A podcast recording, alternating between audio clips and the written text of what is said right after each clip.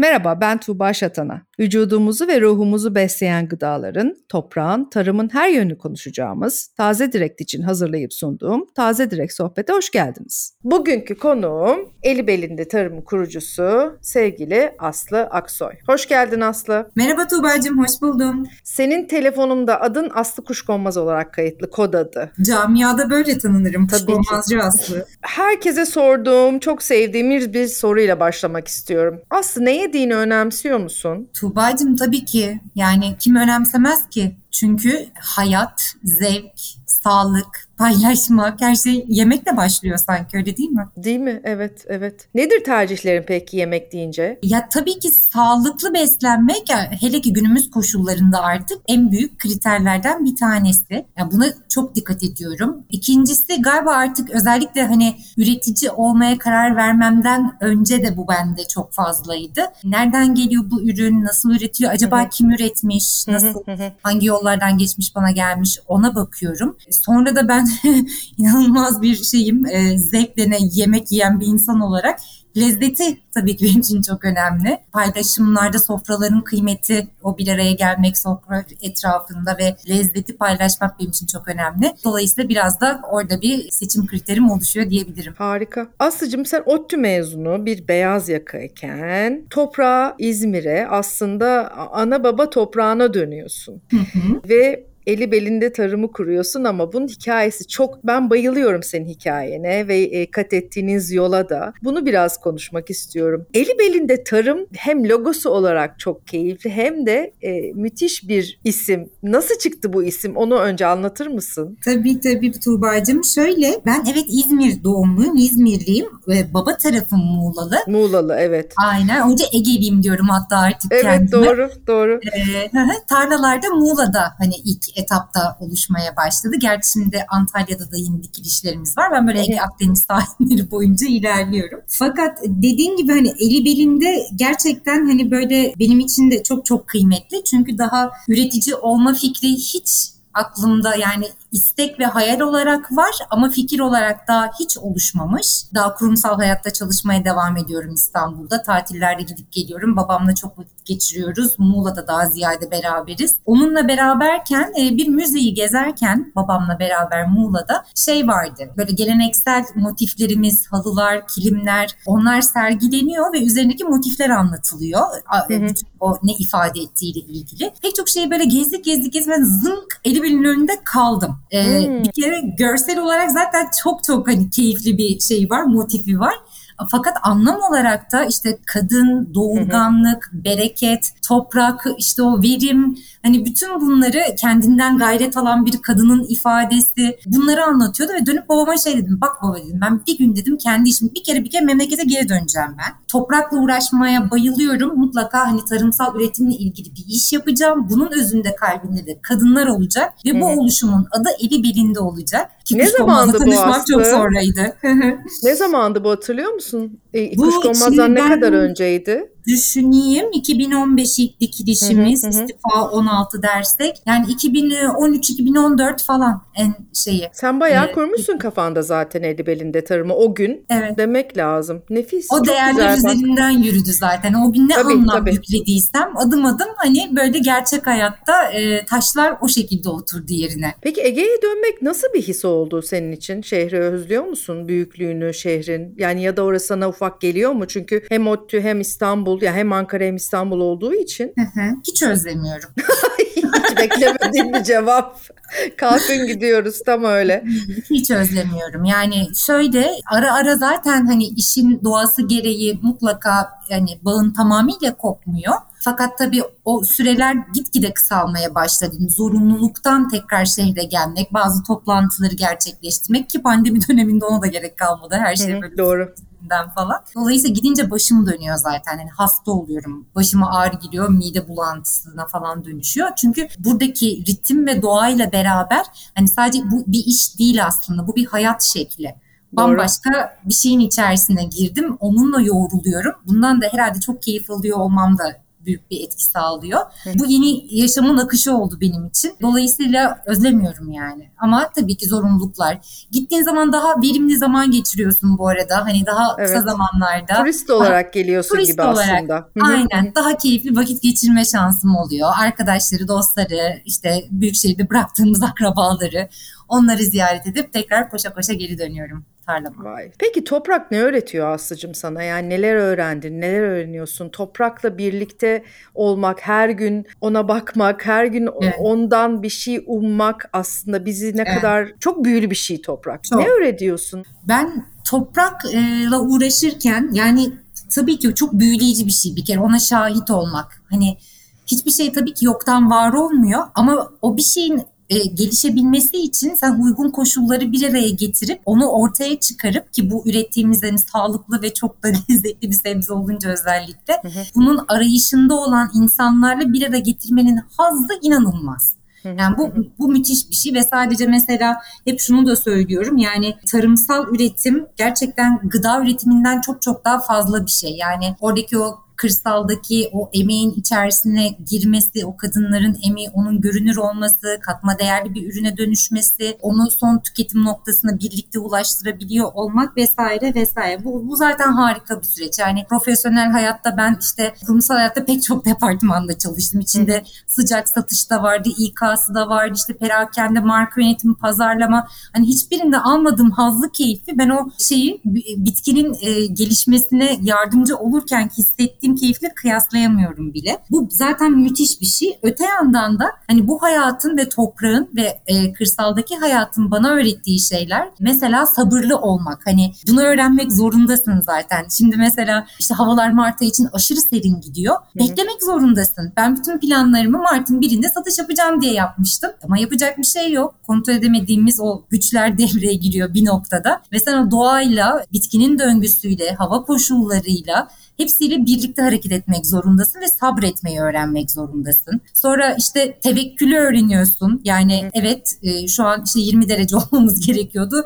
Üşüyerek içeride Poyraz'da hani oturmaya çalışıyoruz. Kuşkonmaz uyanmıyor. Dolayısıyla hani e, o gelen dış koşulları da kabul ederek yaşamaya öğrenmeye başlıyorsun. Ya onun dışında kırsal inanılmaz yani kızlarla beraber geçirdiğimiz zamanlar ne bileyim mesela tutumlu olmayı bile ben bu yeni hayatta öğrendim. Hani kendim öyle bilirdim. israfkar görmezdim. Ama ne çok şey mesela gereksiz yere alıp tüketirmişiz. Hatta tüketmeden zararına sebep olurmuşuz. Hani bunları oradaki de o minimal yaşantıyla o el, elindeki şeyleri sahip çıkmak, tutumlu olmak bunlar hep bu yeni hayatın kazandırdığı değerler oldu bana. Peki kızlardan bahsederken aslında biz seninle bazen kuşkonmazlara da kızlar diyoruz ama ben şeyi çok merak ediyorum. Şimdi sonuçta kırsaldaki kadının ve senin kurduğun eli belinde tarımın esası müthiş bir kadın e, emeğinden geçiyor. Benim öğrenmek istediğim onları ekibi kurarken onları ikna etmen gerekti mi yoksa Egelilerin kadınları daha rahat gelip çalışmaya hevesli ve senin elinden tutarak geldiler mi? Onu merak ediyorum ekibi kurarken neler yaşadınız? Tabii başlangıçta e, böyle inanılmaz kolay olmadı. Çünkü hani burası Ege'de olsa e, ülkemizin genel bir gerçeği var ki o da tarım sektöründe hep o karar vericiler erkek. Yani işte mal sahibimiz de erkek. O çalışacak olan kişilere giden yollar da erkeklerden geçiyor. Çünkü ya işte çavuş sistemleriyle çalışılıyor. Evet, e, evet. Ya işte babalar, abiler var. Onlardan izin alman gerekiyor. Direkt ulaşamıyorsun kadına. Ben yabancıyım. Hani oralıyım her her ne kadar desem de sonuçta büyük şehirden işte İzmir'den İstanbul'dan gelmiş. E, ziraat geçmişi de yok zaten topraktan ne anlar. Elinde kimsenin bilmediği tam tilkişen yabani çeşitleri bir miktar bölgede tanıyor. Bak diyorsun bu bunun ehlisi. Biz bunun tarımını yapacağız ama kimse görmemiş ki onun tarımını. Hani hiçbir yerden ben güven vermiyorum onlara zaten. Hani ne evet. kendi geçmişim ne yetiştireceğim dediğim ürün. Dolayısıyla hani ilk başta ikna ederken hadi bir iş var işte arık açılacak işte fide dikeceğiz. Ondan sonra toparlanmaya çalışalım. Başlangıçta böyle oldu ama sonra sonra hani birbirimizi anladıkça özellikle o ilk iki seneki tesis süreci bu tarlanın hasatın olmadığı yıllar onları atlatıp ürünümüzü elimize aldığımız noktada o zaman daha bir inanç ondan sonra daha bir güven oluşmaya başladı. Mesela şimdi bizim tarlamız bir cazibe noktası. Köyde başka yapan e, çiftçi arkadaşlarım da oluşmaya başladı. Hepimiz bu işi birlikte öğreniyoruz zaten. Şimdilerde artık direkt hani böyle aile aile gibi olduk diyebilirim. Ben de köye yerleştim. Hani Hı-hı. artık bizim aramızdaki ilişki hani patron çalışan değil komşu burada tarlalarımız var ben dikiyorum sen de dikmeye başladın. Böyle resmen bir imece usulüyle birlikte işte nerede hasat var nerede çapaya girilmesi lazım. Ee, öyle bir düzen oluşturmaya başladık. Şimdi şimdilerde çok keyifli açıkçası. Aynı ekiple devam ediyorsunuz büyüyerek o zaman gibi anlıyorum ben. Çok doğru. Aynen Nefis, öyle. Başta nefis. işte 3-5 kadındık. İşte o yavaş 7-8'e ulaştık. Şimdi en böyle kapasitemizin yoğun olduğu zaman da köyde 15 kişiye ulaşıyoruz gibi gibi e, yavaş yavaş büyüdük ama 6-7 senedir beraber başından beri birlikte e, çalıştığım kadınlar çoğunlukta. Ay müthiş bir şey. Peki kuşkonmaz nasıl bir toprak seviyor Aslı? Nazlı mı bir de? Onu da merak ediyorum. Evet evet yani şöyle e, herhalde boşuna kuş konmaz dememişler diyorum. Çünkü böyle Değil mi? ilk dikildiği zaman küçücük fideler çok minik minik böyle türüş türüş yaprakları var. Zaman içerisinde tabii daha gelişkin e, çalılar hali aslında bir çalı bitkisi kuş konmaz böyle narin gibi gözüküyor ama aslında o kadar da değil. Aslında hani bir kez e, diktikten ve tutundurduktan sonra toprağa son derece de hani böyle şey e, ne diyeyim arsız derler ya bitkiler için. Aa, hani güzel, hani öyle. Güzel.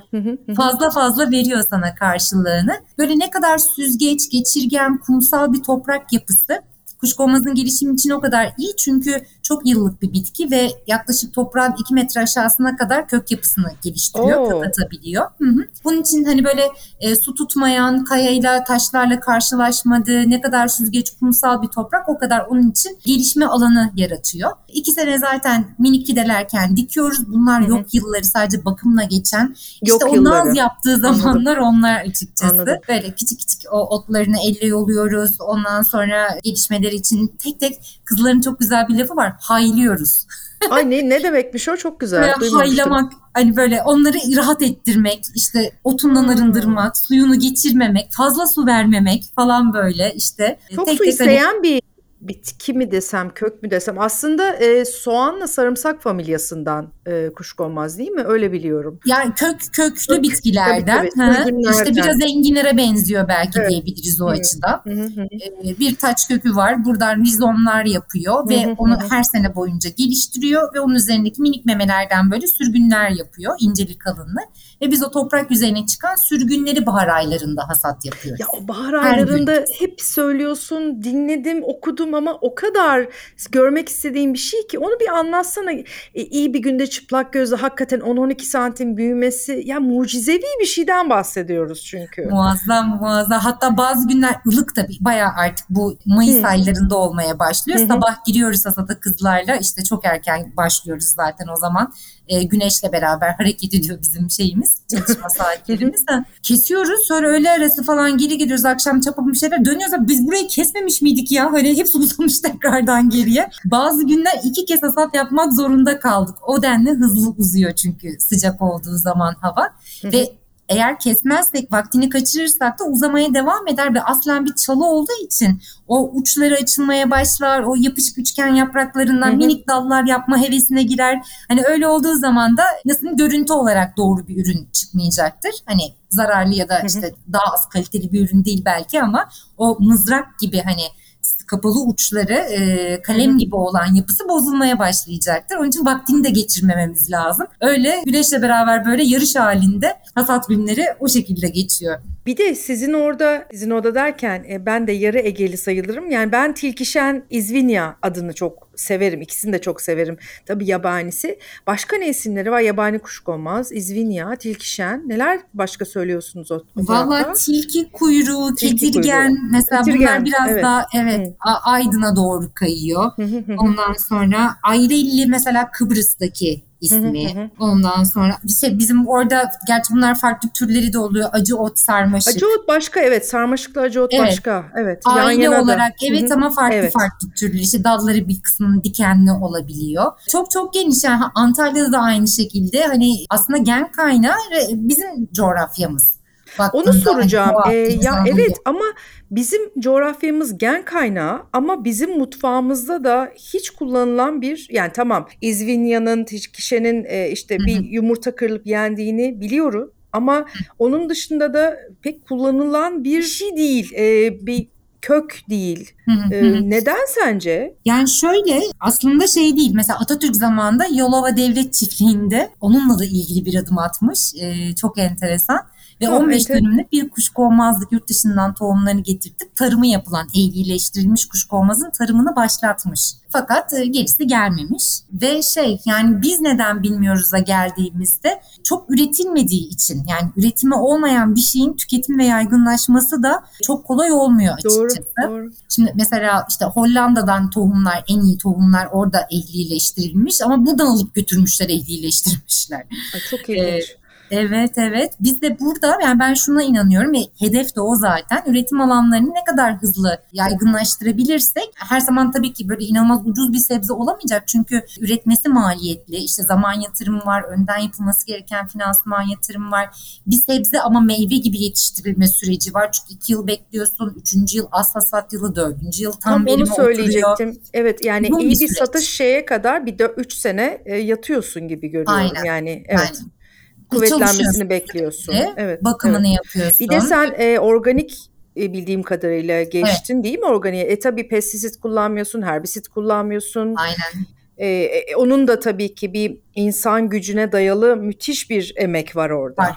Çok var, çok var. Her şey mekanik yöntemlerle yapılıyor. Dolayısıyla şey değil yani ama yine de üretim alanları büyüdükçe daha makul düzeylerde hani daha fazla ürünü yaygınlaştırma şansımız olacak. O zaman da mutfaklarımıza daha çok girebilecek diye düşünüyorum. Tuba'cığım ben biraz şeye benzetiyorum kuşkonmazı. Avokadonun gelişimine aslına bakarsan. Güzel, yani, evet, evet, e, güzel. Onu da bilmezdik, tanımazdık bundan 5-6 yıl öncesi nasıl yiyeceğimizi bilmezdik ki hani damak tadımıza aykırı değil ama değişik mesela avokado. Hani kuşkonmaz öyle de değil. Hani çok keyifli. Çok Bizim eskiden biliyorum ikisini de işte çok eski otelcilik yıllarımda bize böyle inanılmaz sanki böyle defineler define şeyleri gibi kasaları gibi şeylerin içinde işte yıldız meyveler kuşkonmazlar e, avokadolar falan gelirdi. Tabii yabancı şefler çalışınca biraz biraz öğreniyorsun ama e, tabii lüks tüketim maddesi ve işte ah işte avokado falan çok ya. acayip havalı şeylerdi şimdi. şimdi fazlasıyla her yerde var ama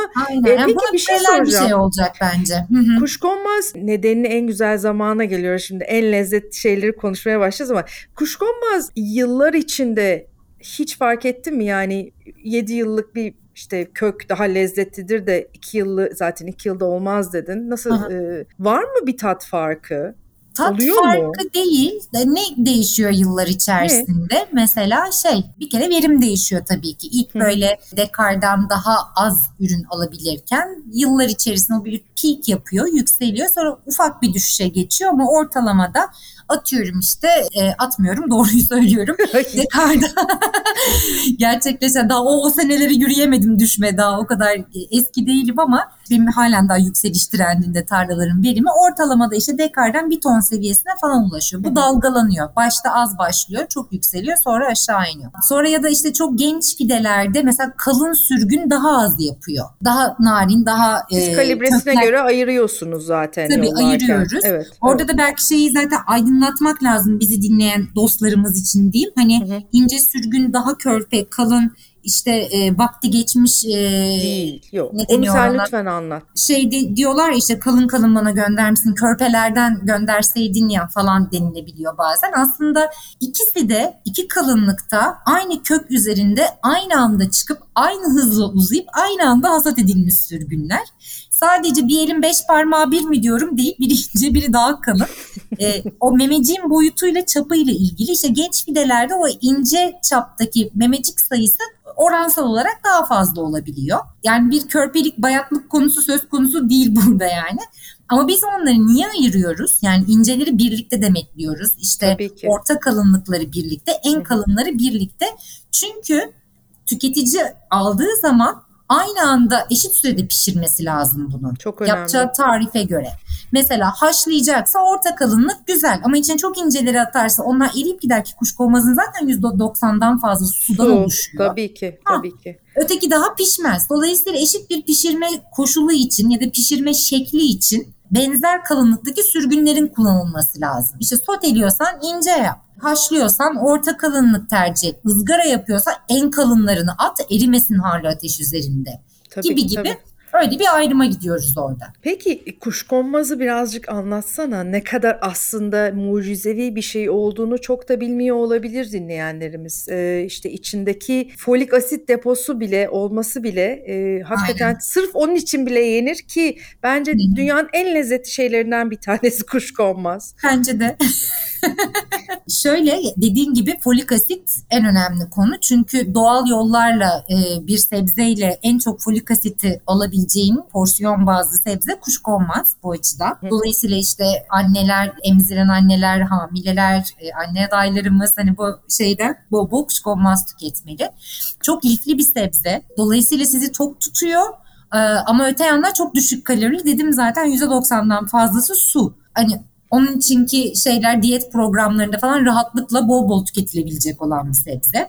Onun dışında da mineral ve vitaminlerce aşırı zengin. Yani tam bir o hani bahar döneminde antioksidan diyebileceğimiz anti-aging hani bu popüler sözcüklerle tanımlarsak e, bol bol tüketmemiz zaten gereken e, yedikçe de faydasını hissettiğimiz bir şey. Afrodizyak etkisinin bile çok kuvvetli olduğu söyleniyor. E, dolayısıyla gerçekten mutfağımızda evet, sağlık hep açısından da olması gerekiyor. bir şey o. Doğru söylüyorsun. ya zaten baktığımız zaman bütün bu doğa uyanırken kışın bütün bu ağırlığı kök sebzelerin üzerimize verdiği bu enerji işte daha çok e, tabii kışın yenen etler e, daha bunların temizlenmesi vücudun e, arınması ve yaza hazırlanması e, biliyorsun enginar da öyle evet. e, ve tabii yanında kuşkonmaz da çıkıyor. Ya bahar muhteşem e, zaten doğayı dinlediğimiz zaman bize gerçekten vücut vücudumuzu, beynimizi, ruhumuzu nasıl besleyeceğimizi söylüyor. Şimdi Kesinlikle. şunu yiyin, şimdi bunu yiyin. E şimdi kuşkonmaz çıkıyor. Bunu yiyin ki işte hem folik asitinizi alın hem işte suyunuzu alın hem lifinizi alın hem temizlenin.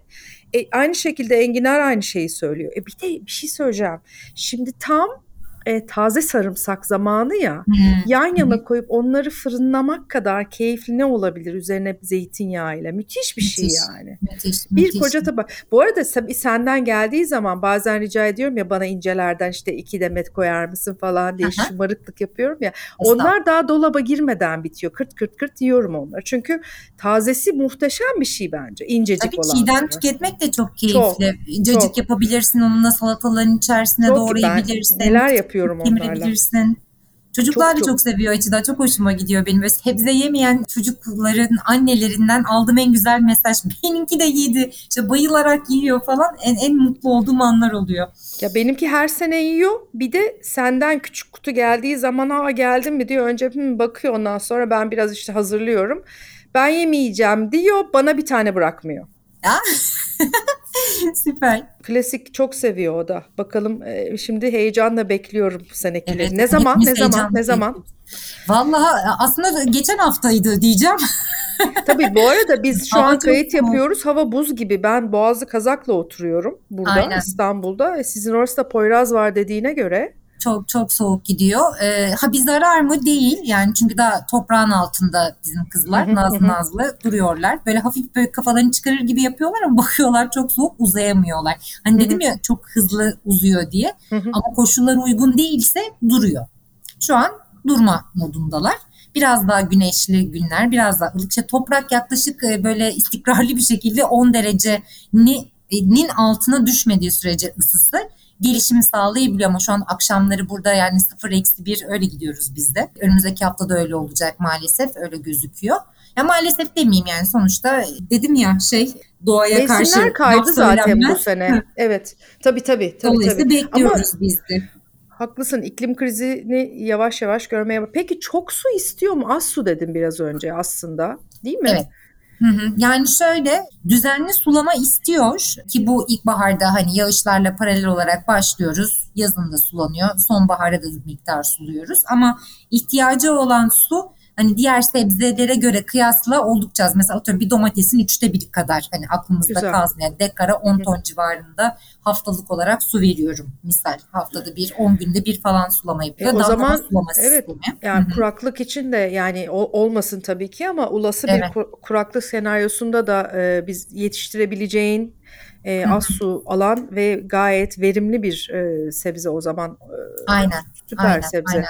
Çünkü hep konuşuyoruz çiftçilerle yani bu böyle giderse daha az su alan sebzeleri ekmek e, gerekecek. E böyle de böyle de tabii eke eke bizim e, tür tür kayıplarına da ulaşabiliriz belki. O da korkutucu bir şey bakarsak Çok uzun korkutucu. dönemde. Evet. Peki e, şeyi bir anlatır mısın bana? Yani bir kuşkonmaz nasıl topraktan çıkıp e, siz bunu hasat ediyorsunuz? Kuşkonmaz. Yani gözünde canlandırsın e, dinleyicilerimiz istiyorum. Tarlaya gelsenize. Ay ben istiyorum hadi. en güzeli o. Şöyle şimdi çıplak bir tarla yüzeyi hayal edin. İlk uyanmasını anlatayım. Şu an tarlamız öyle yani gelseniz daha hasat başlamadı diyorum. Çırılçıplak bir tarla görüyorsunuz. Çünkü her şey bütün olaylar aşağıda yaşanıyor. Bizim bir yumru kökümüz var. Orada rizom dediğim işte. Üstünde de memecikler var. Her bir noktadan o her memeden bir tane sürgün yukarıya göndermeye başlıyor. Bunu aynı anda yapmıyor. Yani belki 15-20 tane sürgün alabileceğimiz kadar meme sayısı var o kökte. Ama bunları sırayla gönderiyor yukarıya. Biri çıktı eğer hava ve koşullar uygunsa dediğim gibi günde 13-14 santim ama biraz daha serinse 2 günde yaklaşık hasat boyuna geliyor. O da toprak yüzeyinden yaklaşık 25 santim civarında. Biz de kızlarla çalışan ekip kızlarımızla, kadınlarımızla her sabah yani sabah demeyeyim günün aynı saatinde aynı noktadan geçmek suretiyle boylarını kontrol ediyoruz. O 25 santime gelen sürgünleri nazikçe aşağıdan geliyorsa başka bir sürgün ona değmeyecek şekilde çünkü değersen onu maalesef kalite kaybına uğruyor. Hemen hmm. beli bükülüyor, sorunlar yaşanabiliyor. Onlara değmeden çok nazik bir şekilde toprakta bir bıçağımızla kesip tek tek o sürgünleri topluyoruz. Ertesi gün yine, ertesi gün yine. 90 gün boyunca bazı tarlalarımızda 100-120 güne kadar çıkabiliyor. Her gün aynı şeyi yapıyoruz. Ve evet. sezon sonuna geldiğimizde zaten o bir kökten yaklaşık işte 15 ila 20 adet arasında sürgün kesmiş oluyoruz. Dekarda da yani bir dönümde de yaklaşık 2800 bitki olduğunu hayal edin. Dolayısıyla bayağı bir e, 3-4 ay boyunca, boyunca emek yoğun işçilik süreçleri o yüzden hani kuşkonmazda çok fazla eğilip kalkarak ve yürümek suretiyle bir enerji kullanımı yapmış oluyoruz. Nefis, nefis. Şu an ağzım sulandı Aslı'cım. Ee, heyecanla bekliyoruz bu sezonu da. Ve umuyorum çok bereketli bir sezon olsun. Doğsun taşsın. Ee, bize de Bereketi taze direkte de Evet taze direkte de bir sürü bir sürü yolla ki biz de gönül rahatlığıyla tüketelim bunları. Tertemiz, mis gibi ve kadınların eli değmiş e, şahane kuşkonmazlarımızı bekliyorum dört gözle. Evet evet Tuba'cığım çok kısa bir zaman içerisinde inşallah geliyoruz. Ne zaman yayınlanacağız belki, bilmiyorum ama. Evet evet yayınlanana kadar belki yiyor da oluruz. Nefis olur. İnşallah birlikte böyle elimize kuşkonmazlarla dinliyor olalım. Umut tamam. ediyorum en kısa süre içinde. Çok istiyorum. çok teşekkür ediyorum katıldığın için, e, vakit ayırdığın için. Ben teşekkür ederim. Benim için bir zevk. Gezegenimiz kendiniz ve sevdikleriniz için ne yediğinizi önemseyin. Bir dahaki bölümde görüşmek üzere. Hoşçakalın.